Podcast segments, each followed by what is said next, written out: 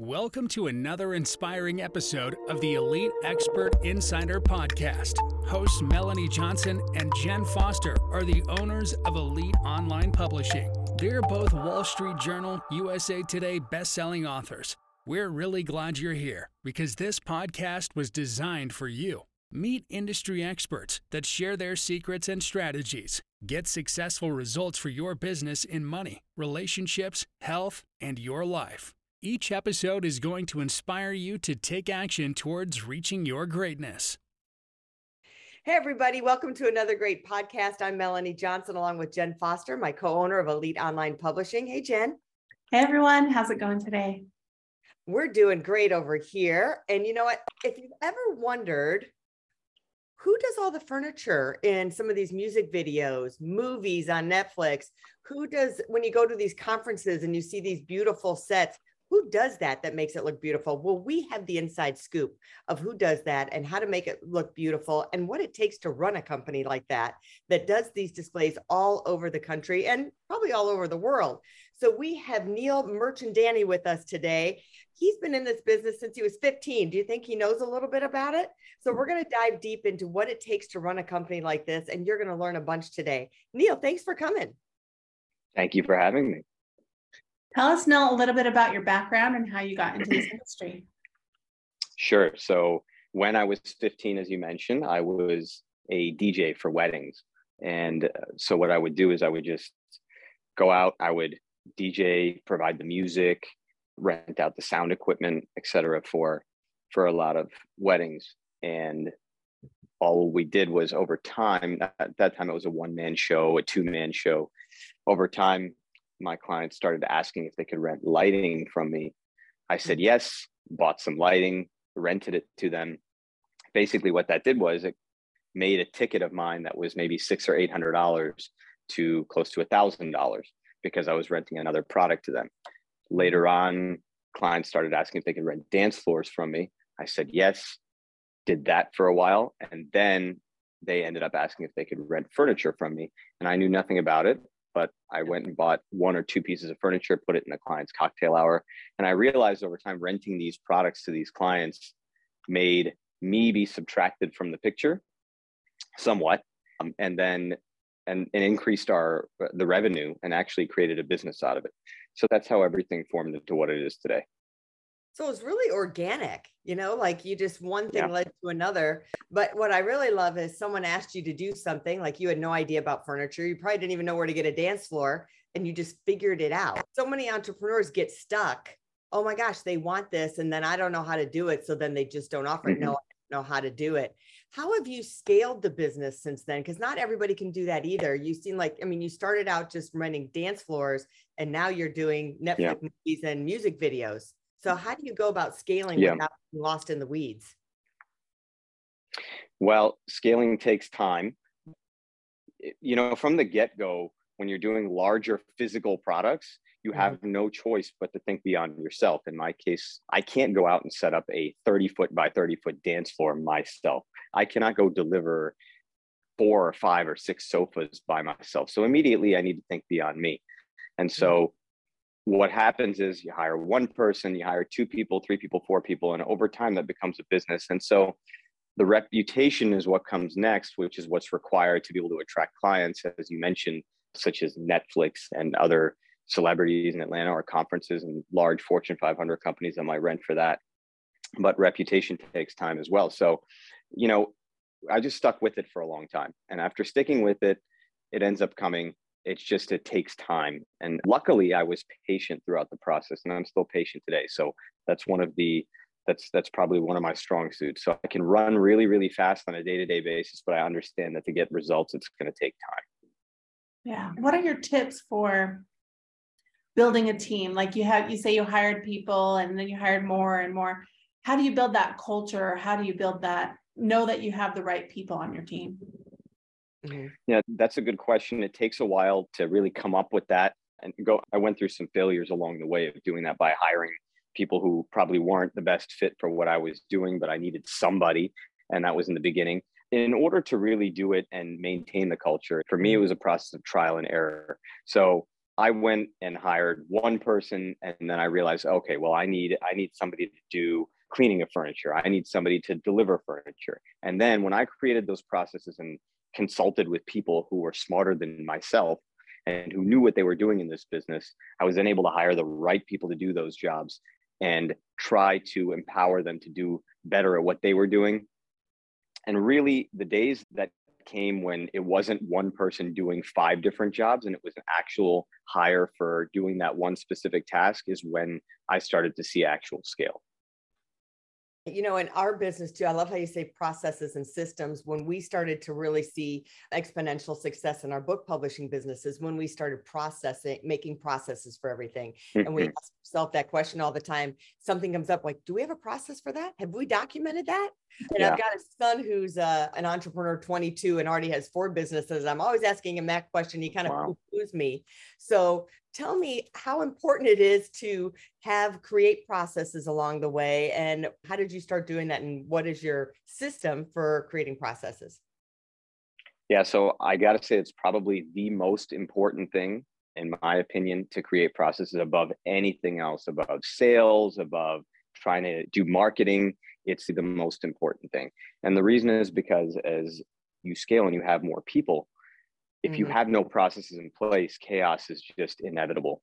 And so you you are hindering yourself from scaling if you don't create put those processes in place. So mm-hmm. that could be something so small as a closing procedure, an opening procedure, thing in between. So it's extremely important to me to have processes in place in order to get more employees in order to actually scale and it's the responsible thing to do in my opinion in order to actually grow there's really no other way uh, when you have one person, you can get away with doing a lot of things. When you have up to five, six people, you can get away with doing a lot of things. We now have 40 employees, and it's very difficult, to be very difficult. I can't even imagine walking in and people not knowing what they're doing because there's just chaos everywhere. Everybody just comes in and does whatever they want. That's not going to work. So it is super important to do that. And actually, I would say that the business will actually started to grow in sales and actually revenue just went up as we started to do that organically. It didn't even take selling anymore at that point. It just took understanding that those processes make all the difference in the world. Mm-hmm. Well, tell us the story of your first music video that you rented furniture to, because I like I'm just curious, like how did you network or how did you get into that side of things? Because I can see renting for events and you know pop up here, pop up there, but how did you get into the music video and other spaces? Yeah, so I guess we're lucky in Atlanta. Atlanta is the Hollywood of the South. So hmm. originally when I started this company and when we started doing events, I didn't think that we would we weren't even marketing to go out and do film or music videos as you mentioned. But one of the I guess the first music video that we did that I know of is is a music video that's on YouTube right now with the artist Drake and Future. And the music video is called Life is Good. And we didn't really get contacted by the artist. We get contacted by the agency who was working with that artist mm-hmm. to rent a dance floor, to rent a, to, uh, they were trying to stage a scene from an Apple store and they rented those products from us. And surprisingly, those events, the, that music video gets booked last minute. So mm-hmm.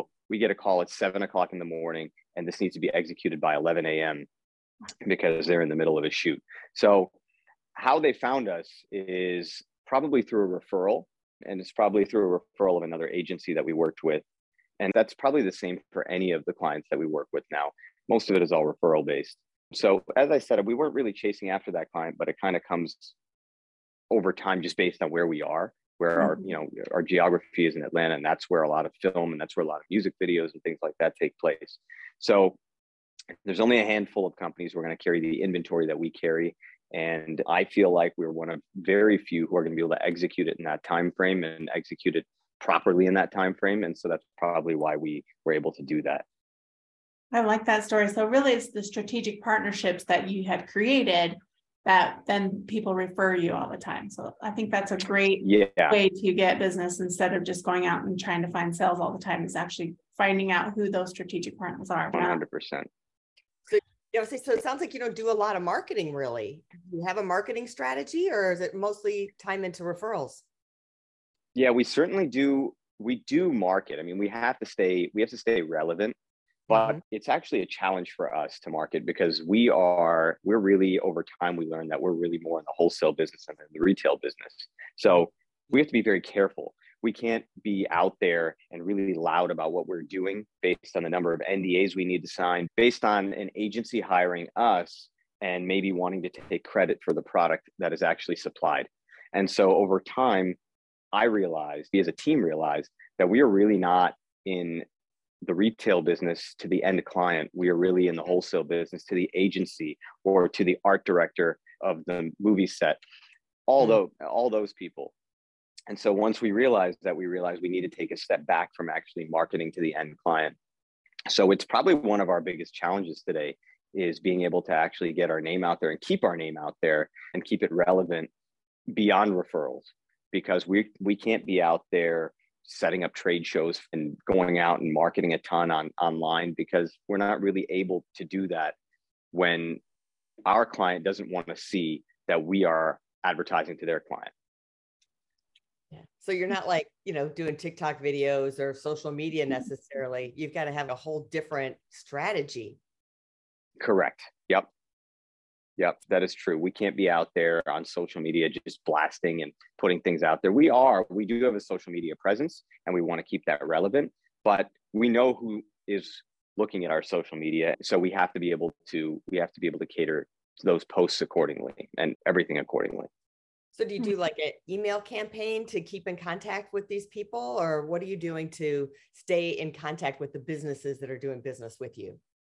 Yeah, we do email campaigns. We do them, we don't do them like, you know, a ton. We do them sporadically. And then we are very careful with, for instance, when we bring in new inventory, Mhm. we are very careful about personally going to the salespeople within our organization and they are going out and actually letting their clientele know. So our marketing is very personal. And that doesn't mean that we, you know, we have a small set of clients that are ordering from us and they make up 80% of our revenue or anything. It's more that we are branching out to those people on a more personal level. And then mm-hmm. whatever is on our website is what markets to the masses out there. So mm-hmm. we just leave that organic and then we have our personal salespeople actually market out to their specific clientele. That makes sense. Well, tell us, Yeah. how did you scale or like, what was the very first storage facility you had for your furniture? Because right now you're up to 70,000 square feet, which sounds huge to me. So was it just a truck or what did you start with? Started in a garage and then it Mhm. went from a two car garage to about 600 square feet. Then it went from 600 square feet to 10,000, then to 20,000, and now we're in 70. Uh, we're basically grown out of 70 and we are now looking around for about 150,000 square feet or maybe adding on to our current facility right now. That grows over time. So it's not something that I would say that took uh, from the first warehouse space that we ever did, it probably took about what 10 to 11 years to get to where we are. So it's a slow growth model, but you know, luckily I was patient throughout the process to be able to see it get there. And then how did you get the financing for that? Because sometimes people get stuck. Did you have to raise seed money or what did you do to finance everything? And, you know, buying the furniture too. Yeah, so I reinvested every dollar I possibly could back into the business. Mhm. And now we have a percentage that we have to reinvest. It's just kind of calculated as a percentage of the business. But throughout the process, we had to take loans, we had to reinvest and reinvest and reinvest. So I would say that I didn't take a dollar out of the business probably for the first seven, six, seven years. And it was a grind. And it was just constant reinvestment. I mean, I can't express that enough. It was just constant. I like that. Just hustle, hustle and get it done, right? Got to keep getting it done. It's the only way to go forward. Yeah. I thought my son's business partner in this venture that they have, their house has become like a combine and he's sleeping on the floor, even when there's a bed available. He's like, nope, I'm sleeping on the floor until we're getting where I want to get financially with this, get it off the ground. I And like that. I like that. Yeah. I like It- that. And you know what? Even today in our business, I still don't feel like, I mean, you could only live without taking money out of the business for so long. But the Mm. reality is that I still don't feel like we've even reached close to our potential. There is just so much potential in our business. And it, it takes a while to get out of the mindset that you can't start extracting money from the business, but but I still feel it today. I still feel like when we first started today. Yeah. And that's a mindset. So let's talk about that real briefly is how do you keep that mindset to continue to growth and be excited about your business even when you have those pitfalls because I'm sure it wasn't all roses the whole way. No, it wasn't and it's not roses even till today, right? So there's there's always going to be hiccups. But mm-hmm. in in my world the way I see it is that you know I thrive on the stress and I thrive on the last minute of the business. And I think everybody here, because of that, it's just created this culture of everybody thriving on that. And so I get excited knowing that I can come in to work in the morning and there might be zero on our schedule, but by 10 a.m., we've gotten a call from a TV show or we've gotten a call from UPS or Home Depot or some large company to go do a huge furniture set and it has to be done that day. And so I can't help but get excited about that because it's just it's the unknown that excites me. And I know that I could either gauge my mind to say I should be scared about that because it's very last minute, or I could be excited about it. And I think just over time, I've just been excited about that. Mm-hmm. That because I know what's going to happen. Yeah, it's just like an adventure mindset. What is today going to bring me that's going to be amazing, right? Yep, absolutely. And I think now that's what as I said, like everybody here thrives on that now. And I think in order to be in the event industry, you probably need to thrive on that. Otherwise, you're going to just be really sad all day and you're just going to be scared all the time because you just don't know what tomorrow is going to bring. But you never know. Like you say, you get a new client that's so exciting or something happened that you never imagined and it changes everything in one day of things. Yeah. Yeah. So anything can yep, happen. 100%. We had someone who signed with us during a podcast one time that was oh yeah and just met us on the podcast and said oh yeah send me a proposal and she signed it right there while we were still on the podcast with her i was like okay that's amazing like you never expect something like that so those are the things like you that's say are really cool. that you know? It, that is exciting. Yep that's awesome. Do you only do events and movies and that sort of thing or do you also do real estate like staging? You know, we don't do real estate staging, and it's a field I have thought about getting into, but have not yet, just because we haven't gotten our head wrapped around all of all of what we're doing in the event space. Mm-hmm. Um, feel like it's still we're still in the infant stages of getting into the event space, meaning in the film side. Mm-hmm. I feel like we're still in the infant stages of that, and so I I am one who likes to expand but I want to expand responsibly. So when we get into home staging, I know it's going to build or it's going to it's going to have some other issues attached to it. That's okay. It's a learning curve, but I can't delve my attention into that without really getting done what we need to get done in the event space and assigning the proper people to handle that. Yeah. But it is a, a space that I want to get into. Yeah, I would think that it would be totally different pieces and totally different furniture. So what would you say your number one rental is like what's like the top like hot thing that everyone wants when they call you like is there a specific item or specific furniture that everyone wants or is there something new or exciting that's like technical like the light boxes or anything like that it goes in cycles for us so there you know what's what's popular for six months might not be popular six months mm-hmm. from now for right now i would say that our most popular pieces if somebody calls up the most popular color is emerald green and so a lot of people rent emerald furniture with gold accents to it. Mm-hmm. That could change in six months, and it will. But for right now, that's really what is popular and that's what's trending. What I noticed, it's interesting you asked about home staging. What I noticed in our industry is the trends start in home. So whatever's going on in the home, mm-hmm. typically between six to eight months later, it catches and that becomes a new popular thing in the event industry. So it's almost become my cheat sheet. And so in homes, what what took place during COVID is everybody was remodeling. And what was the trend? The trend was farmhouse modern. And that was going for all year. And it just took six months to eight months after that. And that's what came in the event industry. And that's what everybody wanted. And so I don't know why that is. I'm still studying as to why everything is catching up from there. But that's why all these gold, gold tones came back in homes and hmm. gold tones came into the event industry. Now silver tones are coming back. That's six months out in the event industry. A lot of mixed metals out there too is a trend. Yes. Yeah. Yep. That's true. It is.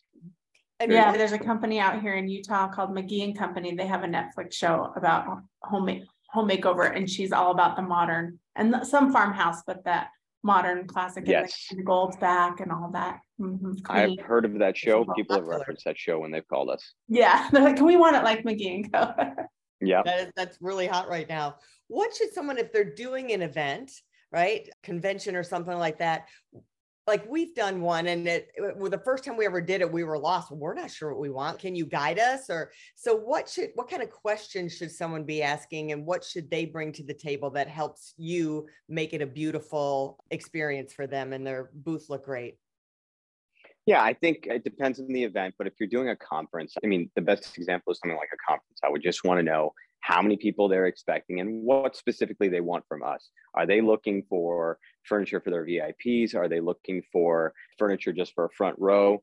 If they have those answers figured out, it's all good. We can figure out the rest for them. The last thing that I would ask for is just finding out what their company colors are, whatever they're trying to brand, and we can knock that out. So every company is who calls us. I mean, Home Depot, as I mentioned before, UPS or Coca Cola is based over here. Any of these companies who call up have company colors. We want to respect those colors. So if we know what those are, we can take care of it pretty quickly. So we stock right now, we stock a lot of blues, navy blues, and reds.